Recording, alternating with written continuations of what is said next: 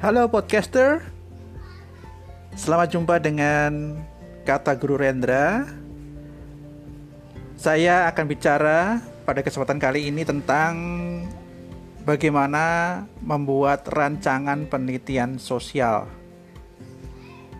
Rancangan penelitian sosial ini adalah topik mata pelajaran sosiologi khususnya di kelas 10 IPS dan saya akan mengulas apa saja yang kira-kira terdapat dalam rancangan penelitian sosial. Check this out.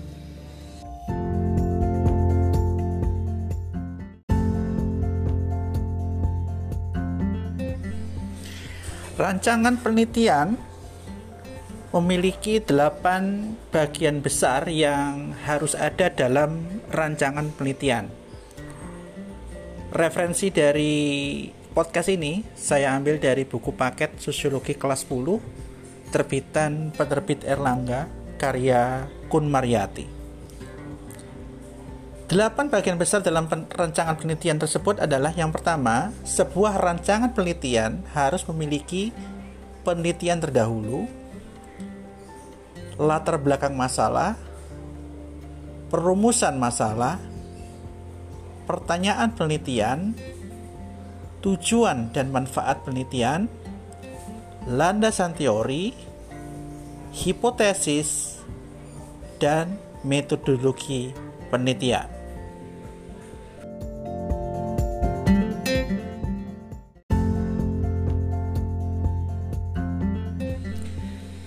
Teman-teman, sebuah rancangan penelitian sosial itu perlu memiliki uh, penelitian terdahulu jadi Anda perlu menggali dulu apakah penelitian Anda ini uh, dulu pernah diteliti oleh orang lain gitu ya. Karena dengan melacak penelitian terdahulu kalian dapat menghindari duplikasi ya atau apa? Duplikasi itu pengulangan ya. Maksud saya gini, pengulangan itu boleh-boleh saja asalkan temanya mungkin yang diulang tapi uh, aspek yang diteliti itu berbeda jadi contohnya kayak saya dulu ketika skripsi itu tema yang saya ambil itu sama dengan tema yang diambil oleh dosen pembimbing saya ketika dia membuat disertasi S3-nya dia, PhD-nya dia, ya. Uh, konflik Laut Cina Selatan. Temanya itu tentang konflik Laut Cina Selatan. Dan beliau ini mendekati, meng, apa, ya, bukan mendekati ya, mengapproach, wah itu, mengapproach uh, studi kasus ini dengan uh, menggunakan uh, kalau tidak salah ada lima aspek, gitu ya, lima aspek yang mestinya bisa diteliti. Dan beliau hanya melakukan uh, empat aspek saja. Nah, saya melihat ketika beliau sharing uh, beliau punya disertasi di di kampus itu saya melihat bahwa ada satu aspek yang dia tidak bahas yaitu aspek militer, militerisme gitu ya, aspek militer. Nah, ketika beliau selesai, saya maju dan mengatakan, "Pak, boleh nggak saya mengambil skripsi saya itu uh, mengambil ini uh, unsur kelima atau aspek kelima yang Bapak tidak bahas dalam disertasi?" Dan dia it's okay gitu ya. Oh it's okay. Enak banget itu. Akhirnya karena karena uh, temanya sama walaupun topiknya akhirnya berbeda saya jadi saya jadi uh, ketiban duren istilahnya ya. Karena apa? Karena beliau juga akhirnya sharing uh, beliau punya data-data pada saya. Data-data disertasinya beliau itu sebagian bisa saya pakai kembali untuk skripsi ini. Nah itu ya jadi selain menghindari duplikasi jadi penelitian itu betul-betul sama. Yang kedua memposisikan kedudukan penelitian yang tengah dilakukan. Artinya anda itu mau apa dan penelitian Anda? Seperti saya tadi saya temanya sama tapi saya mengambil aspek yang belum dibahas oleh penelitian disertasi guru atau dosen pembimbing saya. Nah seperti yang saya bilang tadi untungnya akhirnya adalah saya itu ketiban duren. Jadi data-data penelitian kemudian buku-buku textbooknya beliau yang dulu pernah dipakai itu akhirnya di ditransfer ke saya. Jadi saya boleh pakai itu gitu. Ini adalah suatu keuntungan besar. Nah itu uh, perlunya dilakukan penelitian terdahulu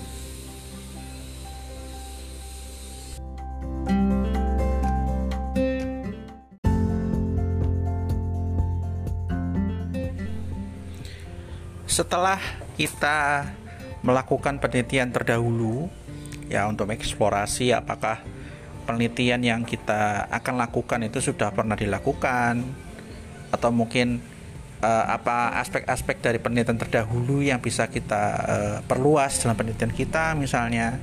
Maka yang paling penting yang pertama sekali harus ada dalam sebuah rancangan penelitian sosial itu adalah latar belakang masalah. Karena uh, terutama nanti ketika jadi sebuah laporan penelitian ya siapa pun yang membaca laporan penelitian Anda itu harus tahu kenapa Anda kok harus uh, memilih penelitian tersebut gitu loh. Mengapa harus memilih masalah tersebut? Apa yang menjadi urgensinya? Apa arti pentingnya masalah tersebut sehingga Anda tuh merasa perlu untuk melakukan penelitian?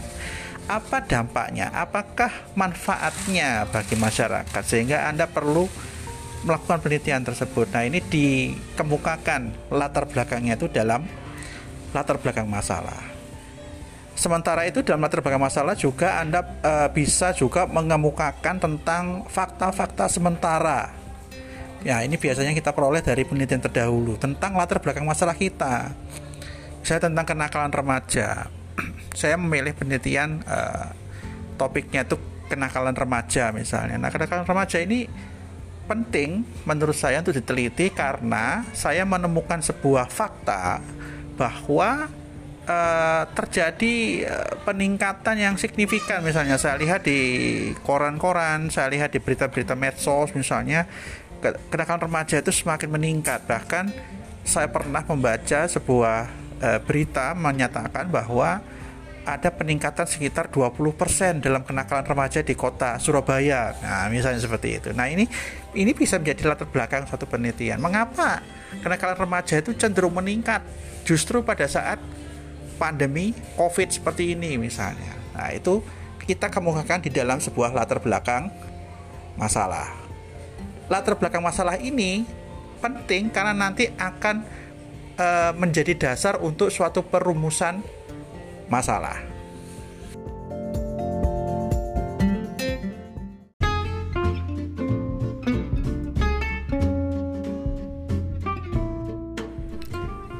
Nah, setelah kita merumuskan latar belakangnya, apa alasan kita memilih suatu fenomena itu menjadi penelitian sosial dan kita menunjukkan apa urgensinya apa arti pentingnya kita meneliti hal tersebut.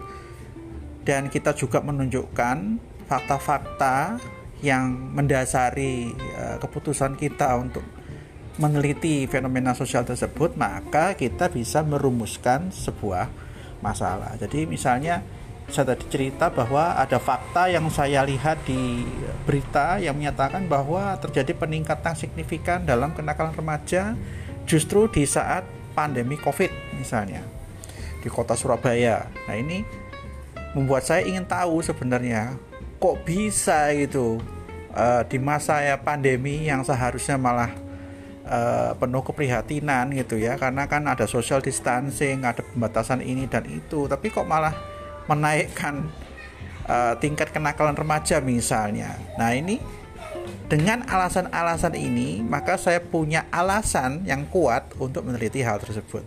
Maka saya mengajukan suatu rumusan permasalahan yaitu bahwa e, misalnya saya ingin mencari, mencari tahu nih kira-kira apa yang menyebabkan e, e, kenakalan remaja itu e, justru meningkat ya tingkat kenakalan remaja itu justru meningkat di masa e, pandemi COVID misalnya.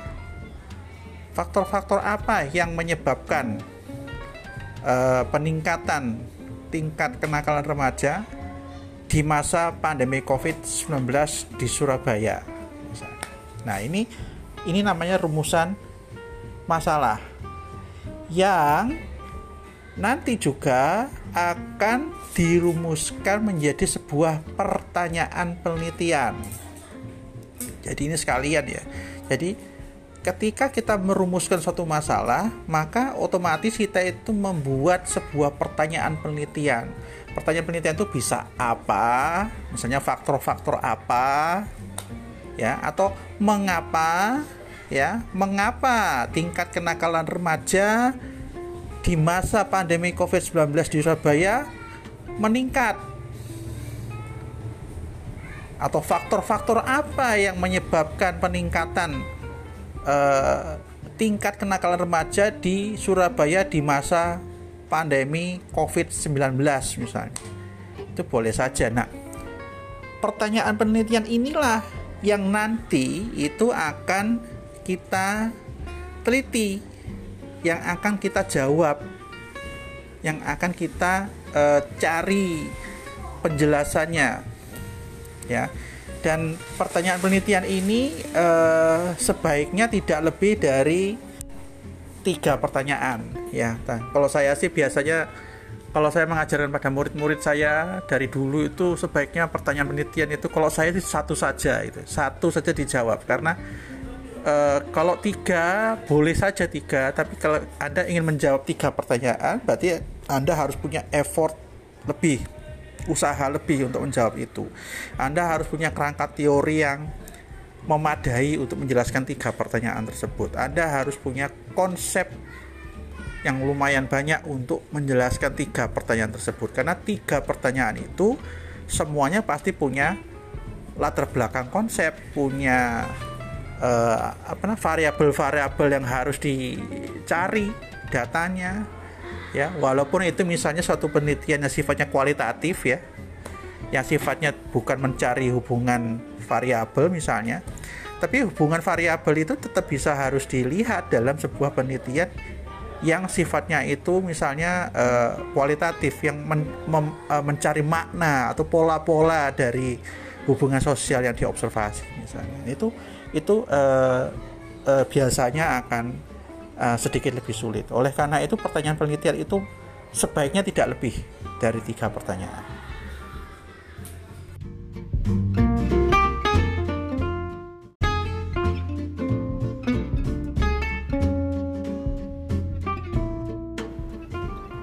Baik, setelah kita merumuskan pertanyaan penelitian, maka berikutnya yang harus ada dalam sebuah rancangan penelitian itu adalah apa sebenarnya tujuan penelitian kita dan apa manfaatnya penelitian itu. Uh, dua poin ini uh, penting ya teman-teman karena uh, terutama setelah nanti jadi laporan penelitian. Kalau kita kita sudah menyatakan di latar belakang, oh, permasalahan penelitian ini adalah sesuatu yang uh, urgen, sesuatu yang relevan untuk untuk kita ketahui, untuk kita bahas misalnya. Nah, terus tujuanmu itu mau apa? Nah, tujuan penelitian itu sebenarnya sudah ada, sudah tersirat di dalam pertanyaan penelitian. Ya, jadi mungkin saya balik sebentar ya. Kalau ada pertanyaan dulu di kelas saya dulu begini. Pertanyaan penelitian dan perumusan masalah itu apa tidak sama toh, Pak? Nah, saya jawabnya begini perumusan masalah itu bisa dinarasikan berbeda di, di subpoin yang berbeda di pertanyaan penelitian itu boleh saja. Jadi misalnya ada uh, sub latar belakang masalah ya, kemudian sub berikutnya itu adalah pertanyaan penelitian itu boleh saja dalam bentuk pertanyaan tentu ya. Nah ini yang yang membedakan. Jadi perumusan masalah yang berada di dalam latar belakang itu masih berupa sebuah pernyataan, pernyataan ya tapi ketika dia ditaruh di subpoin berbeda dengan label pertanyaan penelitian, maka dia itu akan menjadi sebuah pertanyaan. Jadi tidak boleh sebuah pernyataan gitu. Contohnya tadi saya berikan contoh itu, mengapa eh, tingkat kenakalan remaja di Surabaya justru meningkat di masa pandemi COVID-19. Nah, itu. Jadi pakai kata tanya, mengapa apa misalnya faktor apa ya. Kemudian bagaimana misalnya nah itu. Jadi pakai pertanyaan itu pertanyaan penelitian. Dan labelnya boleh saja pertanyaan penelitian boleh juga perumusan masalah. Nah dari pertanyaan penelitian itu sebenarnya sudah jelas tujuannya tersirat tujuannya. Jadi kalau misalnya pertanyaannya, mengapa tingkat kriminalitas remaja itu meningkat?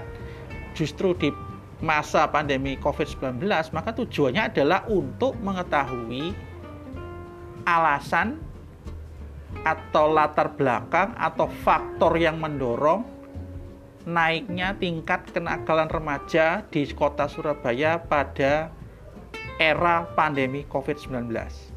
Ya, itu tujuannya. Jadi tujuan itu harus sejalan dengan pertanyaan penelitian.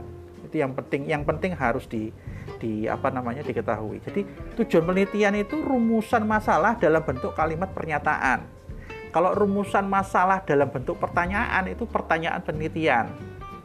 Saya ulangi ya. Jadi tujuan penelitian itu rumusan masalah dalam bentuk kalimat pernyataan.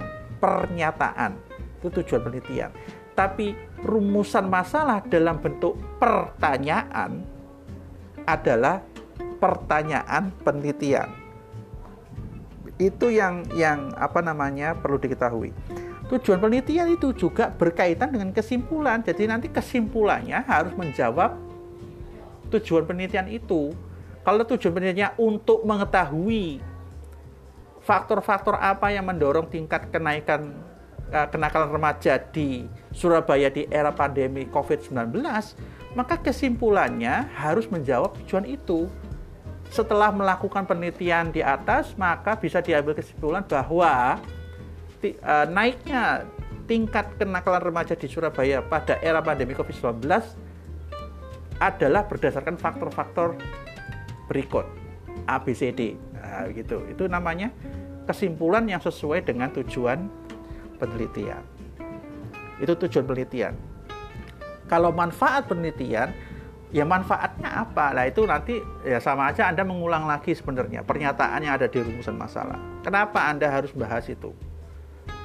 Relevansinya apa bagi masyarakat? Ngapain kita kok harus tahu?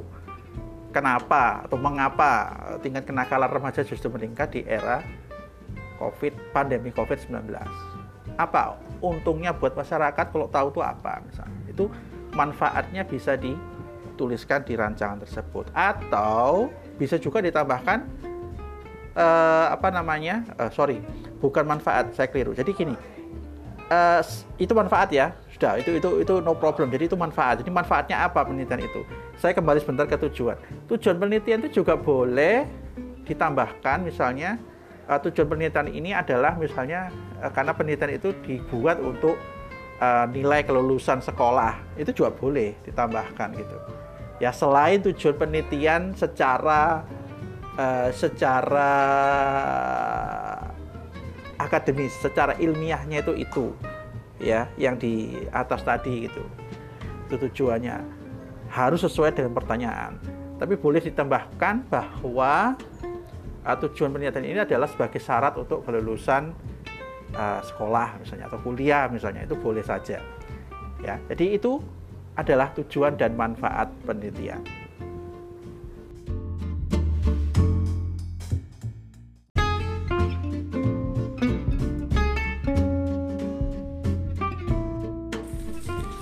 Baik, setelah kita menyusun dan menetapkan tujuan penelitian dan juga manfaat penelitian, maka bagian lain yang kurang lebih sangat penting untuk dirumuskan itu adalah landasan teori.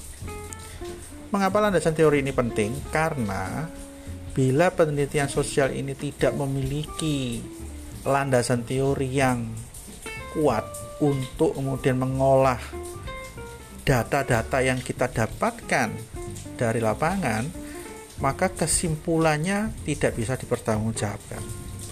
Seperti kita tahu, sosiologi itu sifatnya teoritis, sifatnya empiris, sifatnya akumulatif. Jadi, kalau dikatakan empiris, sosiologis itu harus by the fact, ya, berdasarkan data. Sosiologi itu harus teoritis, artinya sosiologi itu menjelaskan sesuatu tidak hanya menggunakan common sense atau akal sehat saja, tapi ada dasar-dasar ilmiah yang dipakai. Itulah yang dinamakan teori. Simpelnya seperti ini. Kalau Anda mau menjelaskan sesuatu menggunakan common sense saja atau akal sehat saja atau logika kita saja, maka itu akan sangat mudah sekali menimbulkan keraguan atau perdebatan karena orang yang mengungkapkan common sense-nya dia atau akal sehatnya dia itu belum tentu bisa diterima oleh masyarakat secara luas. Nah, teori-teori sosiologi itu paling tidak sudah mendapatkan banyak tinjauan, banyak telaah dan juga mungkin banyak kritik dari ilmuwan-ilmuwan sosiologi yang lain. Contoh, kita ngomong teori konfliknya Karl Marx misalnya. Teori ini sudah ratusan tahun ya walaupun sampai sekarang kita tidak bisa melihat hasil nyata dari apa yang diteorikan Karl Marx tentang masyarakat komunisme ya. Jadi Karl Marx ini mengimpikan masyarakat yang nanti itu tidak ada kelas ya atau dinamakan masyarakat komunis. Dan itu tidak pernah terjadi sampai sekarang.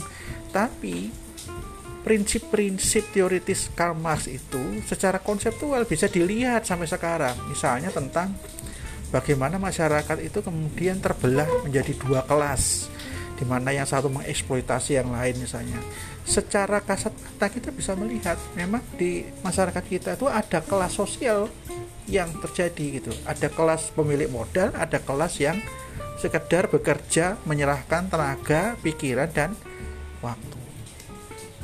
Nah kalau kita mau mengkaji permasalahan penelitian tadi, misalnya tingkat kenakalan remaja di masa pandemi di kota Surabaya itu dikaji dengan teori Karl Marx, Marxisme misalnya atau konflik ya, disebut konflik, maka penjelasannya nanti akan lain dengan bila kita menjelaskan itu menggunakan kerangka teori fungsionalis.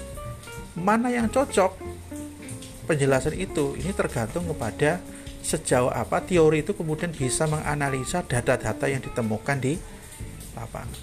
Bahkan data-data penelitian itu sendiri sebelum dicari itu dikonsepkan dulu variabel-variabelnya yang mau diukur itu apa nah, itu sudah mulai disusun sejak landasan teori.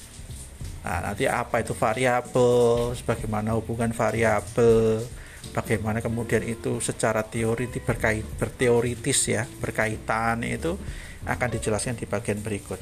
Tapi intinya landasan teori ini ini menjadi jantungnya penelitian.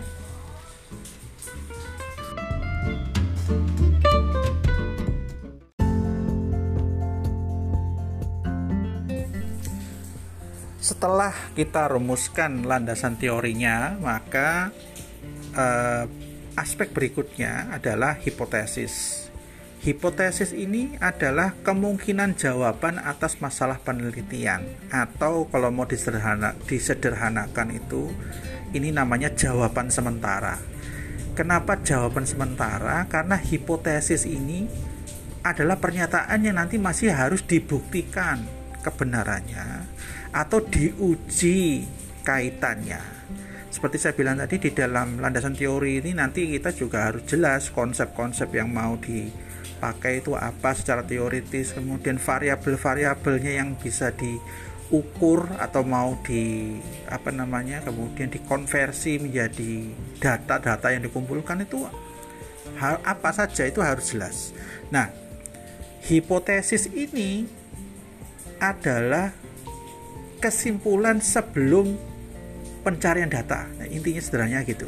Jadi misalnya begini, dengan masalah e, tingkat kenakalan remaja di masa pandemi di kota Surabaya itu, kalau mau di kalau kerangka teorinya itu adalah e, teori Marxis atau konflik, maka kesimpulan sementaranya akan berbunyi kira-kira seperti ini. Jadi tingkat kenakalan remaja di masa pandemi itu meningkat karena secara sosial di masa pandemi itu kelas proletar atau kelas pekerja itu semakin susah hidupnya.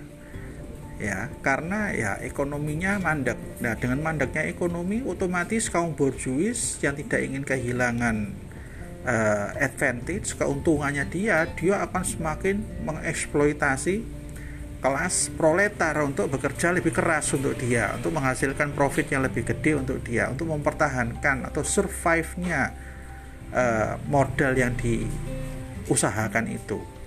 Nah, karena semakin sulit hidupnya, maka kaum proletar ini semakin tidak punya waktu, kesempatan, peluang ya bahkan tenaga untuk apa untuk yang lain-lain selain bekerja gitu termasuk untuk parenting termasuk untuk ngurusin anak-anaknya termasuk untuk uh, mengatur mengelola anak-anaknya itu supaya tetap apa sosialisasinya baik ya pergaulannya baik nilai-nilainya baik itu sudah tidak punya waktu mereka karena mereka sudah sibuk dengan bekerja demi kaum borjuis nah akhirnya anak-anak yang mengalami parenting yang tidak sempurna itu ya jelas pasti akan menyimpang gitu loh. Nah karena menyimpang maka tingkat kenakalan remaja malah semakin naik justru di masa pandemi. Nah ini hipotesis ini ini harus dibuktikan pernyataan ini gitu loh. Ini tuh pernyataan tersupport apa tidak itu kita tidak tahu. Tahunya dari mana? Setelah dicari data-datanya, setelah dikumpulkan data-datanya, kemudian data-data itu diolah, dianalisa menggunakan kerangka teori itu bagaimana penjelasannya gitu? Mendukung apa tidak? Mendukung apa? Mendukung hipotesisnya atau tidak? Nah itu namanya hipotesis secara uh, secara general hipotesis itu bisa dibagi menjadi dua yaitu hipotesis nol atau HO dan hipotesis kerja atau alternatif atau biasanya dilambangkan dengan HA ya H. Jadi ada HO, ada H. Nah, hipotesis nol itu hipotesis yang berisi uh, atau menyatakan apa yang ingin dipatahkan atau ditolak dengan melakukan penelitian. Biasanya hipotesis ini di hipotesis ini itu diawali atau menggunakan kata-kata uh, tidak ada.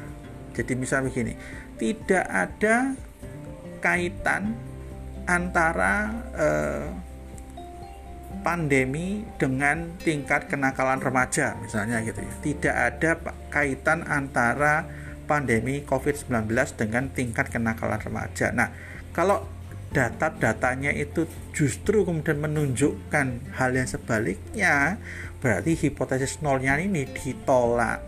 Artinya kalau ditolak berarti memang ada kaitan antara masa pandemi COVID-19 dengan meningkatnya uh, kenakalan remaja di masa itu.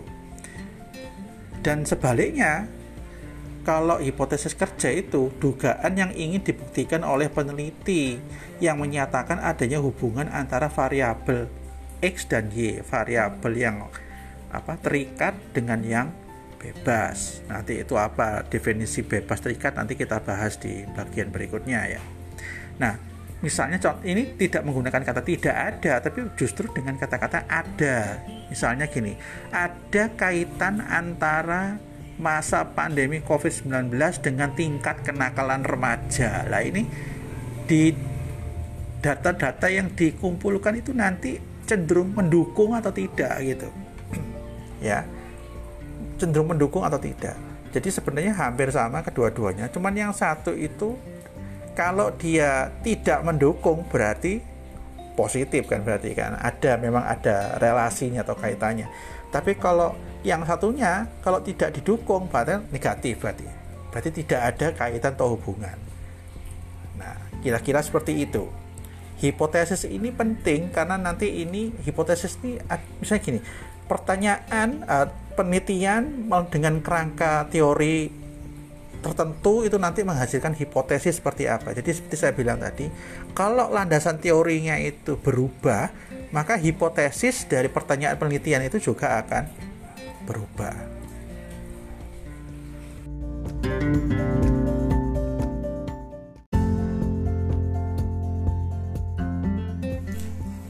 Ini adalah bagian terakhir dari sebuah rancangan penelitian sosial yaitu metodologi penelitian ya. Nama aja metodologi, metode, cara. Jadi ini membahas mengenai eh, cara-cara penelitian ini dilakukan.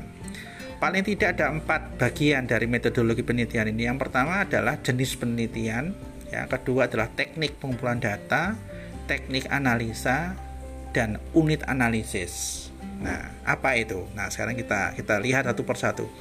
Jadi di dalam bab atau aspek atau poin metodologi penelitian ini kita harus menjelaskan jenis penelitian kita itu apa itu ya.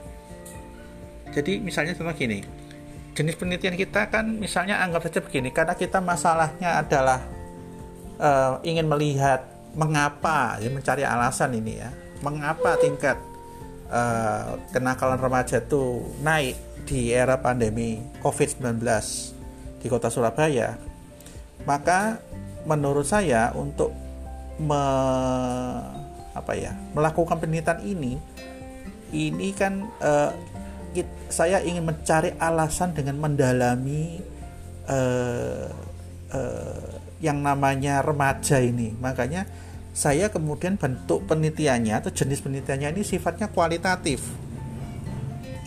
Kenapa kualitatif? Karena uh, saya uh, mengumpulkan data-data yang sifatnya juga kualitatif data-data yang sifatnya itu harus dicari dengan saya itu uh, terjun sendiri. Jadi saya ingin melihat, saya ingin uh, secara langsung mengobservasi uh, yang namanya remaja, ya, yang digolongkan sebagai nakal itu.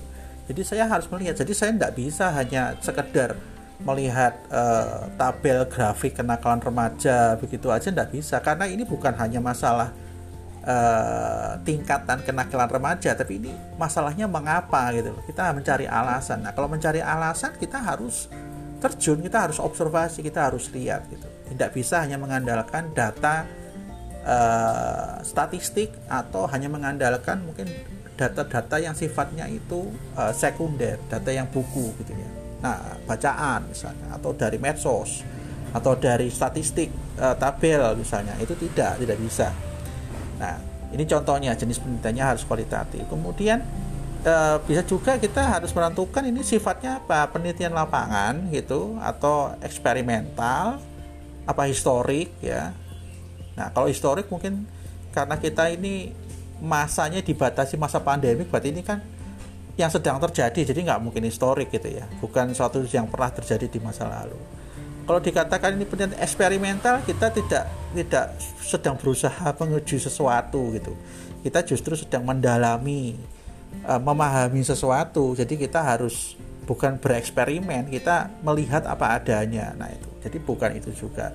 Jadi jenis penelitian ini uh, harus sesuai dengan uh, apa yang ingin kita teliti. Kemudian juga harus sesuai dengan tujuan kita meneliti ini harus sesuai ya. Jadi jenisnya harus harus harus ditentukan. Jenis penelitian ini yang nanti akan harus sesuai dan dalam selama pelaksanaan itu. Jadi kalau kita sudah ngomong jenis penelitiannya itu kualitatif ya harus dilaksanakan secara kualitatif. Kalau kuantitatif ya harus dilaksanakan secara kuantitatif misalnya. Ya. Nah apakah ini deskriptif misalnya? Hanya sekedar menggambarkan saja atau kita mau membandingkan misalnya? Nah, itu itu harus jelas. Nomor dua teknik pengumpulan data. Nah ini data yang kita kumpulkan, tek, bagaimana tekniknya? Nah ini tergantung pada jenis penelitiannya juga gitu. Kalau datanya misalnya penelitiannya kualitatif, datanya nggak mungkin data sekunder gitu loh. Artinya bukan tidak mungkin. Artinya gini, data sekunder itu mungkin bisa dipakai, tapi mayoritas yang pasti harus dikumpulkan itu data itu pastilah harusnya primer, yaitu data yang diambil langsung dari uh, ini dari TKP istilah anak-anak sekarang TKP dari dari dari yang kita teliti itu loh langsung. Bagaimana cara mengumpulkannya? Dengan observasi misalnya atau wawancara misalnya ya. Kalau kita mau pakai angket atau kuesioner bisa juga tapi angket dan kuesioner itu biasanya tidak bisa mendalam. Kalau kita wawancara itu bisa kita melakukan namanya in depth interview interview yang mendalam itu bisa mendapatkan banyak hal. Nah itu yang kemudian disimpulkan untuk menjelaskan dan menjawab pertanyaan penelitian. Ya itu. Jadi teknik pengumpulan data itu terkait sama jenis penelitiannya. Jenis penelitiannya terkait dengan tujuan penelitiannya. Tujuan penelitiannya terkait sama rumusan masalahnya. Nah itu. Kaitannya seperti itu yang berikutnya teknik analisis data. Nah, ini dianalisis pakai apa ya? Sudah jelas kalau sudah jenis penelitiannya kualitatif, analisisnya, tekniknya ya kualitatif pasti gitu. Jadi nggak mungkin penelitiannya kita bilang kualitatif, tapi teknik analisisnya kuantitatif. Kita boleh dan bisa menggunakan data kuantitatif, data angka statistik itu bisa, tapi itu hanya untuk melengkapi saja dari analisa kualitatif yang kita lakukan Jadi intinya itu sederhananya gini, teknik analisis data itu ada dua ya, kuantitatif, analisis menggunakan statistik atau kualitatif yang tidak menggunakan statistik. Artinya lebih kepada bagaimana mencari pola-pola hubungan dari data-data tersebut yang kita dapatkan di lapangan. Nah, itu namanya kualitatif. Terakhir, unit analisis apa ini loh yang kita yang kita telaah itu siapa yang kita teliti itu? Kan judulnya kan tingkat kenakalan remaja berarti unit analisisnya ya remaja yang tergolong nakal kan begitu kan? Unit analisisnya remaja yang dikategorikan nakal. Nah ini kan konseptual. Remaja yang nakal ya. Remaja itu seperti apa misalnya? Variabelnya apa? Oh umurnya sekian misalnya. Nakal itu seperti apa variabelnya? Oh seperti ini. Jadi unit analisis ini penting untuk di tetapkan karena kita itu nanti mencari datanya ya di unit analisis itu. Kalau kita mencari data di luar unit analisis itu, hasilnya tidak akan valid. Nah, unit analisis ini ditentukan dari mana? Ya kembali lagi dari awal. Kita pertanyaan penelitiannya apa? Rumusan masalahnya. Kemudian jenis penelitiannya apa yang kita pakai, ya kan? Teknik ngumpulin datanya seperti apa? Teknik analisisnya seperti apa? Sehingga nanti unit analisisnya seperti apa? Terutama sekali dari uh, rumusan masalah. Ya dari rumusan masalah sudah harus jelas. Mengapa tingkat kenakalan remaja? Ya berarti unit analisisnya remaja. Remaja yang mana? Remaja yang nakal kan gitu kan. Nah itulah bab terakhir ya dalam perancangan penelitian metodologi penelitian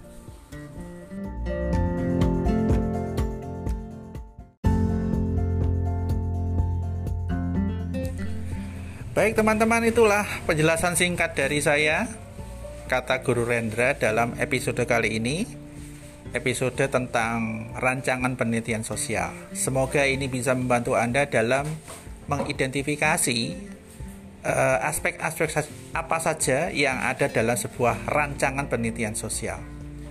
Kita akan jumpa lagi next time. See you next time.